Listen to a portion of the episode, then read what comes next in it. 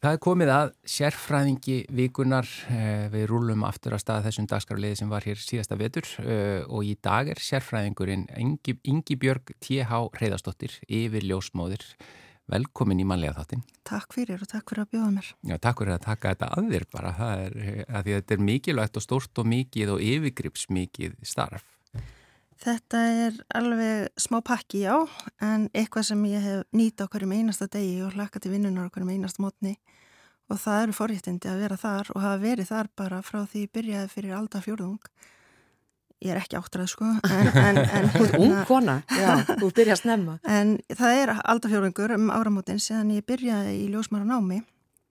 Og grínlaust að þá hefur hver einasti dagur verið mér alveg óbáslega dýrmættur mm, í starfi. Já, og það er, já, bara svo Gunnar sagði það er svo margt sem svona þetta innibir það er meðgöngu vernd fósturgreining, bráðaþjónusta, kvennadildar og þín svona sérgrein er sigursíki á meðgöngu. Já, ég sérhæði mér sigursíki eftir að hafa starfað sem ljósmaður í alveg tæp 7 ár held ég og ég sá alltaf fyrir mér, ég er því bara venjulega fæðinga ljósmaður og mig, ég hafði mikið áhuga vassfæðingum og brann fyrir þær þegar þær voru að byrja. Hmm.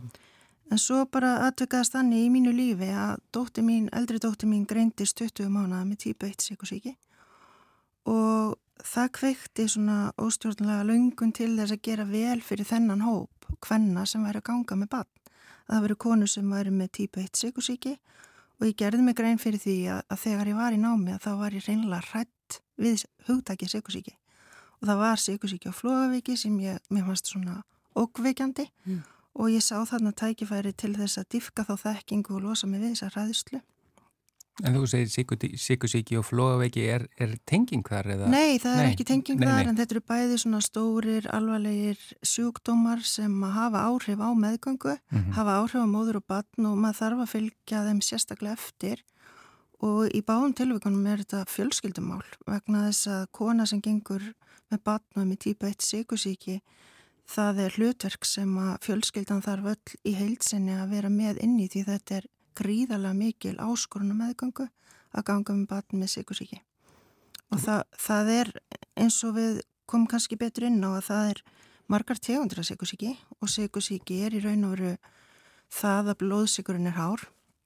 Það, það er skilgreiningin á hugdakinu sikursíki en svo eru tegundirnar og ástæðna fyrir sikursíkinni ólikar og týpa 1 síkusíki er sjálfgæf á meðgangu, konur fá síkusíki týpu 1 yfirleitt sem börn og úlingar. Þetta eru kannski svona meðaltali 15 konur ári sem ganga með bann á Íslandi mm. með týpu 1 síkusíki og þetta er sjálfs ónæmi sjúkdómur og er algjör insulinskortur. Þannig einstaklingur sem er með týpu 1 síkusíki þarf insulín allan sólarhingin alltaf og meðgöngu getur þetta tvefaldast, þrefaldast út meðgönguna insulín þörfin. Og þessar konur þurfa greiðalega mikinn stuðning og þá er makinjapel í fyrsta sinn að læra á viðbröð við síkusíkinni þannig eins og segi þetta er fjölskyldumál. Já. og það var svo margt í tengslu við það að dóttir mín greindist sem að kvekti á svona hvað ég segja hlutum sem ég gerði mig grein fyrir að ég hafði ekki hugsað úti sem umönuraðili í sengulegu, í fæðingu og ekki átta með ásarri stóru áskorun sem fólk er að gangi í gegnum. Þannig að þetta var mjög gaglegt að dóttur mín greindist var mjög gaglegt fyrir í starfi og þá tók starfsvettvangun smá uppeyju. Ég fór í mistaranám og síðan í sérfræðaprogram og bætti þar við mig fjórun til fimm árum til þess að fá bara djúpa þekkingu á hugtakinu síkusíki á meðgangu. Já. Já. Það er, eh, já, eins og segir, þetta var ekki, þú er ekki óskæðir þess en þetta kom þér inn á þessa braut. Já, er bara ákveðingjöf líka í sjálfu sér og dótti mín hefur nú oft sagt við mig, það er mér að þakka að þú ert sérfræðingur. Þannig að þannig, já, þú ert búin að sérhæfa því algjörlega í þessu. Já, ég gerði það og, og, og er alltaf að læra og ég finn alltaf bara eftir sem lengri tími líður að þetta er óþrótandi efni, maður getur lært endalust mm. og framþróunin er alveg gríðarlega mikil Já. Þegar hún greindist fyrir 16 árum þá voru að blanda tvö lifi í litla spröytu og hún var 20 mánu þannig hún var mjög létt. Og það mátti engu skeika þegar við vorum að gefa henni insulín. Í dag erum við insulíndælu, sírita, sem að nefnu sigurinn, hann, hann gefur henni insulín og dregur henni insulíngjöf eftir hvort henni há eða lág. Og þannig á hann bara auðveldara með daglegt líf. Þannig að framþróni gríðarlega mikil. Þannig þekkingin þarf að vera stöðugt í gangi Já. og maður sé að aflasa nýra þekkingar Einmitt. á þessu sviði. Og þetta er típa 1, þetta er típa 1. En, en hvað með hinnar típunar og hvernig hefur svona, já bara frá því að þú hérna byrjar að sérhæfiði, hver hefur þróunin verið þar?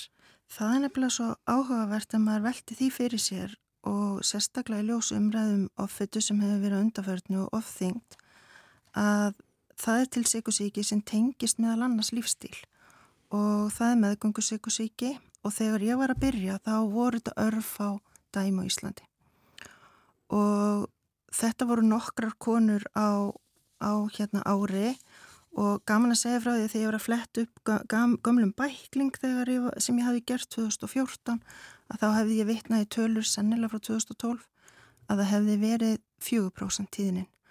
Hún var 17% í fyrra 2020.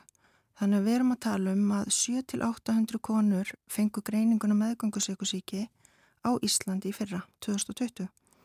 Og meðgangusíkusíki er allt önnur síkusíki. Hún er síkusíki sem að snýst ekki um insulín skort heldur að insulín er annarkvært ekki að virka, það er ekki nægt eða það er ekki að virka eins og það ætti að gera og meðal annars er það fylgja áhrif en það er margt annars sem skiptir máli þar meðal annars erðir og, og eins og segi lífstíl og reyfingaleysi, streyta, svefnleysi, það er svo margt sem getur spilað þarna inni.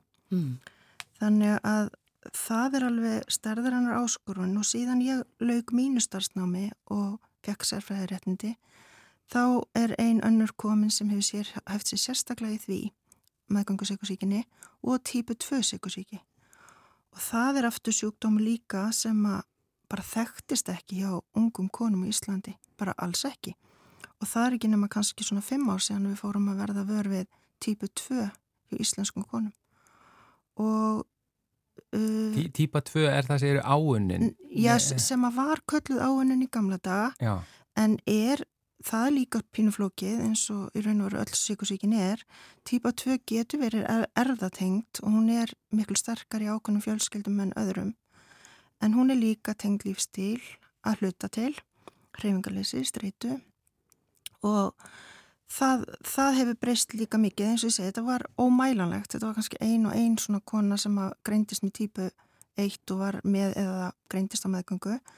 Þar voru 17 2020 þannig þar eru við líka að fara í stíganda upp eins og með meðgöngu sökursíkina Þetta er gríðarlega aukning. Þetta er gríðarlega aukning og þetta er mjög áhugavert og þetta er eitthvað sem við þurfum að rína vel í af því að við búum við þau forréttindi hérna á Íslandi að hafa tækjastól og og aðbúnað til þess að sinna þessum vel og útkoman hjá móður og barni verði mjög góð mm. og um það snýst ljósmaðurfræðin í grunninn það er að fólk fái eðlilega og heilbriða útkomu úr meðgangu og fæðingu og sengulegu en þó að það sé með mjög þunga og erfiða sjúkdóma að fást við á meðgangu. Mm. En hver eru, eða já, hver er meðferðin ef, ef þú greinist með Með meðgöngu síkusíki. Með meðgöngu síkusíkina, já, einmitt, meðgöngu síkusíkina byrjum við alltaf á hreyfingu mataræði. Það er svona fyrsta skrefið. Við mættum alveg vera með næringar ágjafa allstaðar, við erum ekki með það. Við búum svo vel á, á landsbytalanum að hafa næringarstofu sem að hjálpar okkur og vinnur með okkur mjög náið í því, engjastla lækna líka á hjókunarfræðinga á gangu til síkusjúkra. Og meðferðin er meðal annars mataræði og hreyfing og það er alveg lílegt hvað 30 mínútna ganga, rösk ganga eftir eða fyrir máltíð getur virkjað insulín hjá konu. Þannig höfum við séð mælingar hjá konu í bók og svo hefur hún farið í göngu og hún viðheldur lágum blóðsegri eða eðlum blóðsegri bara með þessari litlu reyfingu. Þannig að það er fyrsta meðferðin og dugir fyrir örgla 60-70% af konunum. Síðan er það þær konur sem að þetta dugir ekki hjá og þá byrjum við yfirleitt á töflum meðferð og þar miður við svolítið við þannan allræmda líkamsþingdastuðul. Konu sem eru með háan líkamsþingdastuðul eru líklari til að svara töflum meðferðinni. Hún er innföld, við byrjum bara á einni töflu og förum upp í fjórar yfir sólarhingin og það tekur svolítið tíma að hækka það inn. Það eru fylgjikvillar með þessum töflum, það eru meldinga óþægindi, þannig að þetta er ekki fyrir alla. En síðan er það bara insulíni sjálft, eins og við notum fyrir típu 1. Og insulín er bara svolítið flóki líf að því leiti að ef þú gefur hún mikið þá getur þú lækkað í blóðsikri og þá er það bara bæði vond og hættulegt. Þannig það er vand með farið. Mm. Þannig við fylgjum þessum konum mjög vel eftir. Þannig ef að mataræðið og reyfingin og þetta sem þið leggir fyrir eh, hérna hluta á þessum hópi, já. það er þá hvað særu? Svona 60% af hópnum sem að það dýr til. Já, já. En já. þá eru 40% sem þurfa, þurfa líf. Já, ég held að það sé ekki of mikið áallega hjá mér að það sé millir 30-40% sem að þarf líf, já. En hvað áhrif hefur þetta á batnið? Það er nefnilega málið að það er svo mikilvægt að grípa inn í til þess að hafa þessi minnst áhrif á batnið en þetta hefur alltaf einhver áhrif á batnið og þetta getur orðið til þess að batnið stakki óðurlega mikið. Þetta getur líka dreyið og vexti bassins og það er svona flókin samspil sem hefur áhrif sem að eins og þetta er oftar konur í yfirþyngd. Þannig að en þetta geta líka verið konur undirþyngd. Og þetta getur verið afreiksýþróttakonur sem að fá meðgangu sykusíki mm. þannig að það geta allir fengið þetta en ef þetta eru konur í yfirþyng þá geta líka orðið mjög léttar en það geta líka orðið mjög þungar. Og batnið getur orðið mjög þungt vegna þess að batnið framleiði sitt eigið insulín og það er að fá umfram orgu gegnum fylgjuna og það framleiðir og losa sitt eigið insulín og á meðgöngunni þá við heldur það þessum rithma að gefa sér ómikið insulín þegar það fæðist að þá heldur það enþá að segja í sér ofgnótt að fæðu og þá fellur batni möguleg blóðsikri. Það er líklega að gulna på nýbrugulu, það er líklega að fá síkingar, það er líklega að lendi vandraðum í fæðingu ef það er mjög stórt. En með því að meðhundla þá við verulegur þessum líkum. Mm. Þess vegna er svo mikilvægt að greina þetta. Já, einmitt. Eh, Íngibjörg, við hérna Íngibjörg T.H. Reyðarstóttir, eh, sérfræðingurinn eh, í, þessu, í þættinum okkar í dag. Við ætlum að taka eitt lag núna og svo ætlum við að fá þetta að svara spurningum sem við fengið sendarinn frá hlustendum. Þannig að eftir þetta lag með Peggy Lee þá ætlum við að halda áfram með þér. Música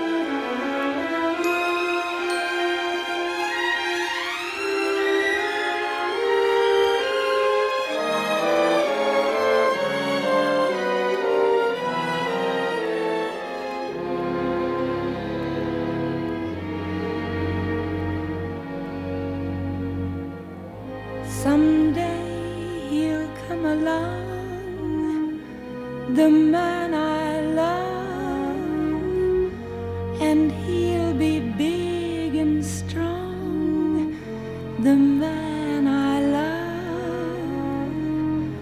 And when he comes my way, I'll do my best to make him.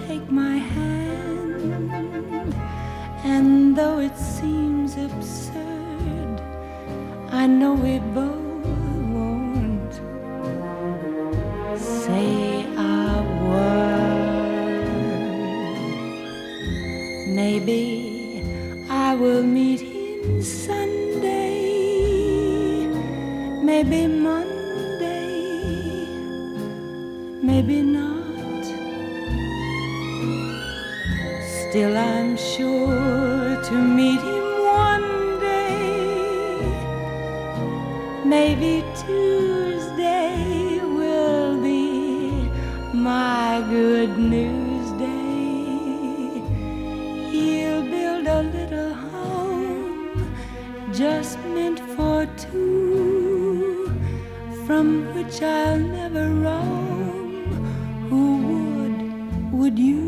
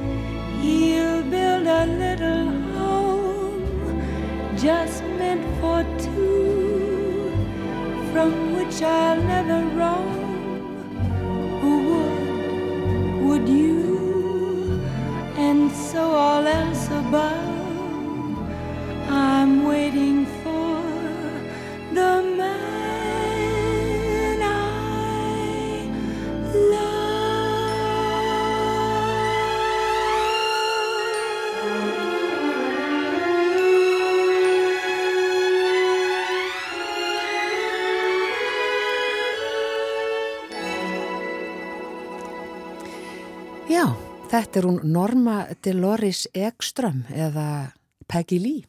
Já, og lag eftir Æra Görsvin og George Görsvin uh, og stjórnandi í þessu, þessari upptöku var sem sagt Frank Sinatra. Já. Já, já, já, já.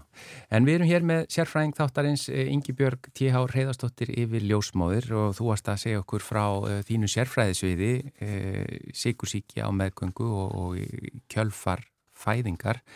En nú ætlum við að svara, eða þú þarf að segja, svara spurningum sem hafa komið inn frá hlustendum og við bara vindum okkur beint í þær, svo við komumst yfir sem flestar. Eh, komið sæl, dótti mín er basshafandi og hún og hennar bassfæðir vilja endilega eigna spatnið í heimafæðingu. Sem sagt vera með svona heita laug á stofugólunu og fæða barnið þar. Nú verði ég að viðukenna að ég veit ekki mikið um svona heimafæðingar og hef talsverar ágjur af þessu plani hjá þeim. Hvað segir þú um heimafæðingar? Kæmi þá ljósmóðir frá ykkur til að vera með þeim og aðstofa þau? E, þarf ekki alltaf að vera eðlilegt og í góðu lægi fyrirfram svo þau hreinlega fái leifi fyrir svona heimafæðingu og hún er ekki komin mjög langt á leið en þau virðast vera mjög ákveðin í þessu máli.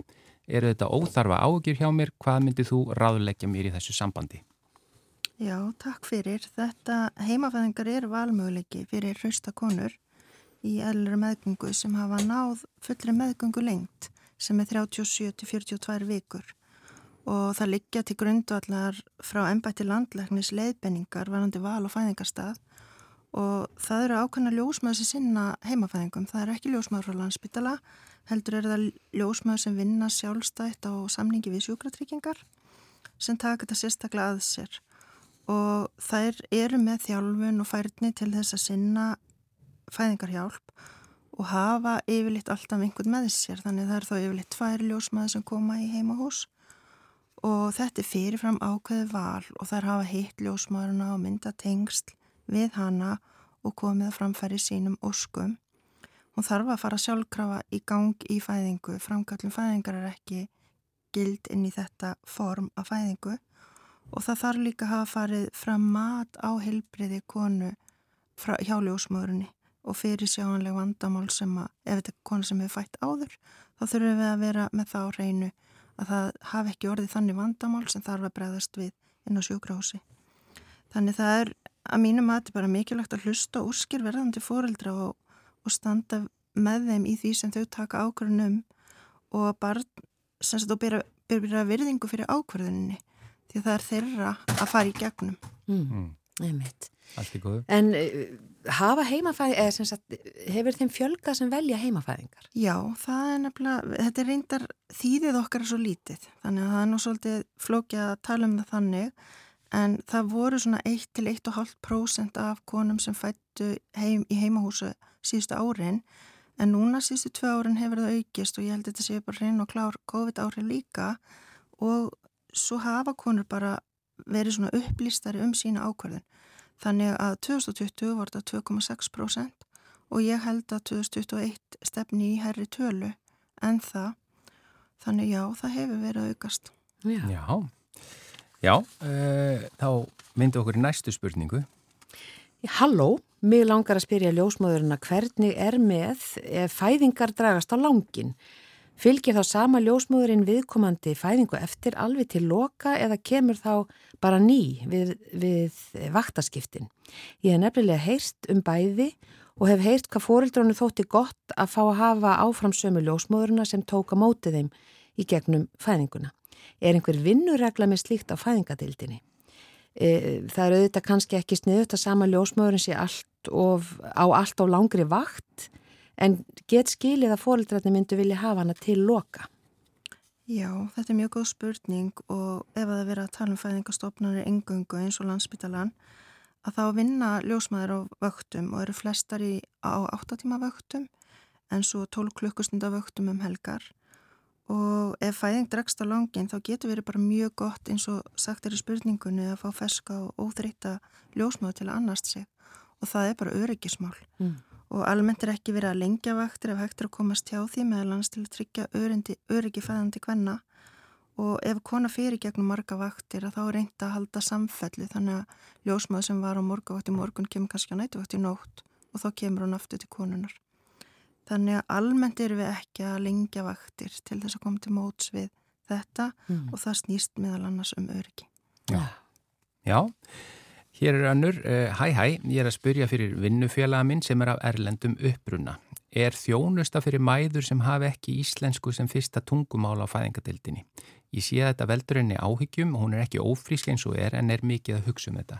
Já, við erum nú hreinlega bara með það í lögum að geta að fólk eigi valmöguleika ná að fá tólk í fæðingu og sjúkrahústjónustu þannig að við köllum til tólk en við getum líka ringt í tólk og höfum notað það til dæmis í, í COVID-inu núna og við erum bæðið með símatólk sem eru fyrirtæki hér á Íslandi og svo erum við með erlenda símatólka líka. Þannig Já. að það er alveg klárt að það, við reynum að venda það eins og hægt er. Mm. Nú er komið fólk að svo mörgu þjóðverðni. E, Já. Er, eru þá e, tólkar sem að geta tólkað og nánast hvaða tungumáli sem er? Svona, ég hugsa að við sem er svona 80-90% hér á landinu, sko. Já. En restin fáum við, það heitir language line sem við leitum til, sem er í Breitlandi, staðsett í Breitlandi og það er nánast, ég held ég bara öll tungumáli heiminum þar. Já. Þannig að fólk getur verið staðsett bara á Singapúr og verið að tólka fyrir okkur sko. Já, þetta virkar. Þetta virkar. Tæknin. Já. Tæknin, sannlega. Einmitt, eh, sannan og gildi sitt svo oft. E, þá er hér önnu spurning. E, hér er spurning sem er ekki tengd neinu sem ég hef lendi en ég hef oft velt fyrir mér. Er einhver hámarkstími sem fæðing getur tekið áður en farið er í keisaraskurð? Ég hef oft heyrt af mæðurum sem voru búnar að standa í svo langri fæðingu og einhverju hluta vegna náðist ekki að fæða barnið á hefðbundin hátt af ýmsum ástæðum og því var á lokum farið í keisaraskurð, jætmel það sem maður heyrir kallað bráðakeisaraskurð. Geta foreldra að farið fram á keisaraskurð ef þeim finnst fæðingin ganga of hægt og er hægt jætmel að panta keisaraskurð fyrirfram? Já, framgangu fæðingar uh, í tímalengd er pínu flókið vegna þess að þú ert bæði að tala um konu sem hefur aldrei fætt áður og þú ert að tala um konu sem hefur fætt áður. Þannig það er mjög margt sem að spilar inni en við erum ákveði viðmiðum framgang mm. og fylgjumst með því og það er matfagðala bæði ljósmaðra og fæðingalegna hvernig ferlið gengur og það er ekki beint fjöldi klukkustund eins og segi sem er mælikvarðin heldur heildar mat og framgangi og líðan móður og bass. Þannig það er tekið saman en það er almennt ekki hægt að panta keisaraskurðin nema kona hafa farið í keisara áður og sem er ör og leiði eða aðra undirlikjandi sjúkdóma sem það sem er vannlegra að kona fæði með keisarafæðingu heldur en eðlilega fæðingu um lögung. Þannig að valið er yfirlt ekki hér á landi allavega og við reynum að halda okkur við við með alþjóða heilbreyðismálastofnunar að vera ekki mikið meira en 15% fæðinga og, nei, já, í keisaraskurði og það er það sem við styðjumst við en við vendum fæðingarferðli eins og við getum en að sjálfsögðu alltaf með öryggi mm. að leiða ljósi.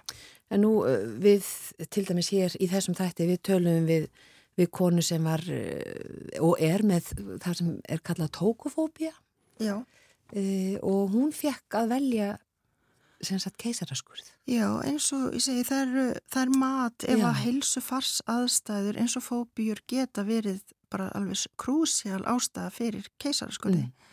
Það geta verið undirlikjandi sjúkdómar þar sem er mikil áhætt að vera konu að gangi gegn fæðingu. Mm. Það, það geta verið alls konar hluti, storkuvandamál, undirlikjandi alvarlegi sjúkdómar, mm.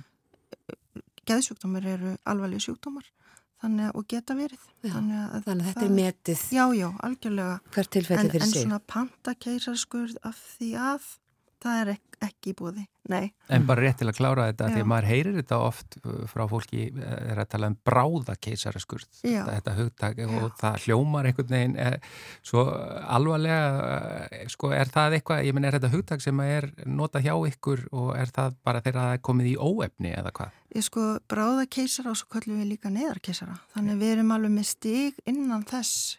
Það eru fyrirfram ákveðinir keisarar, mm -hmm. það eru bráðakeisarar og það eru neðarkeisarar og bráðakeisarar eru keisar það sem að við verðum kannski vörð við að hérslóttu bassins er ekki eins og við viljum hafa við náum kannski sín úr kolli bassins í gegnum fæðingaveg og sjáum að barnið er að beigja út af varðandi súröfni Já.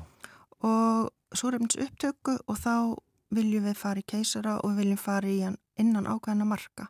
Þannig bráðakeisar er eitthvað sem við getum gert svona yfirvegað og rólega en mm. samt þarf að gerast innan ákveðin tímarka en neyðakeisar er eitthvað sem þarf að gerast núna. Já. og þá viljum við bara grípa inn í núna og viljum að batni sér fætt eftir bara nokkra mínútur. Mm. þannig að við erum með þetta alveg í svona ákveðnum stigum, stigum já, já. algjörlega sko. Og þess vegna er eftir og allt metið bara út frá hverjum einum aðstæðan Já, margt af þessu er uh, færni, þú, þú lærir af ákveðinu innsæ mm. færnina að meta þetta eins og það er af því að þetta er svo, margt af þessu er svo huglagt Akkurat, spurning hvort að við eh, að því að það er nú lítill tími eftir en um, Já, tökum hérna eina sem að mér finnst áhugaverð já. Eh, sem er hérna, er öllum skilt að sækja fræðslu á meðgöngu eða er það valkvætt? Og hvers konar fræðsla er þá í bóði? Já, það er ekki skilda, alls ekki. Og meðgönguvendur er ekki skilda heldur. Og en ljósmaður í meðgönguvend eru almennt þeir fyrstu aðilar sem að fræða fóreldra síðan eru fóreldrafræðslu námskeið og það eru námskeið á vegum enga ljósmaðra sem sjá bara um það sjálfar og svo eru svona lítil fyrirtæki sem eru með fræðslu á sínum eigin vegum. Rafræn fræðsla hefur verið að aukast núna í COVID-inu mm. og það er til dæmis ljósmaður með svoleis fræðslu pakka og er með bara fólk á Zoom. Já, Já, Já og það vantanlega er bara öll fræðsla er að hennu góða. Öll fræðslu er af hennu góða en það sem við viljum forðast að, það er varugavert að segja frá þessu eru bumbahópanir að þeir geta verið með alls konar ráð sem eru kannski ekki endilega gaggreind röka bakvið og að googla er eiginlega bara hægt að loka fyrir það hjá frískum konum á mínum mati. Já, ég skilði eh, bara kannski eitt að því við erum búin að, eða við byrjum þetta spjall á því að tala um sikursíki sem Já. er þín sérgrein mm -hmm. bara svona rétt í lokin hvernig svona mingar maður líkotnar á því að að fá sikursíki á, á meðgöngu er það bara strax í upphafi að taka á mataræðinu og reyfingunni eins og þú sagðir eða er eitthvað annað? Uh, ef að við værum með smá fyrirhyttu og getum planaþungun, það væri draumurinn að geta planaþungun undirbúa meðal annars já með mataræði og reyfingu og lífstíls þáttum eins og streitu, svepp að við myndum fara vel yfir þetta með fagfólki, mögulega þörfaglugu fagfólki eftir því sem við á og takast á við það, já. Það er svona fyrstu og mikilvægstu aðtrein. Já. Já. Ingi Björg, T.H. Reyðarstóttir yfir ljósmáður, þakka þér kella fyrir að vera sérfræðingu mannlega þáttarins í þetta sinn. Takk. Maður fá núna lag, eh, Hafdís Huld syngur lagið I Want to Break Free. Gæti það ekki verið bara barnið að syngja? Að koma sér í heiminn sem fyrst. Ég kannu ekki þennan texta alveg en við, sjáum hvort að það passi. Já, og síðan ætlum við að ræða við hann Sverri Kristjánsson sem er klippari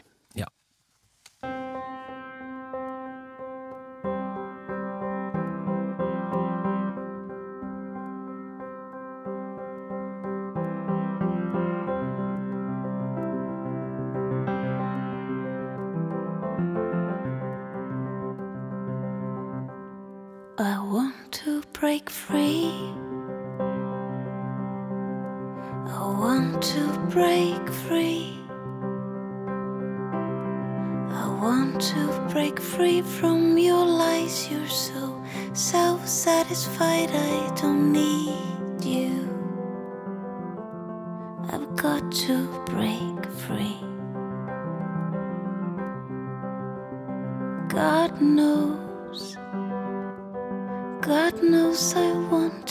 to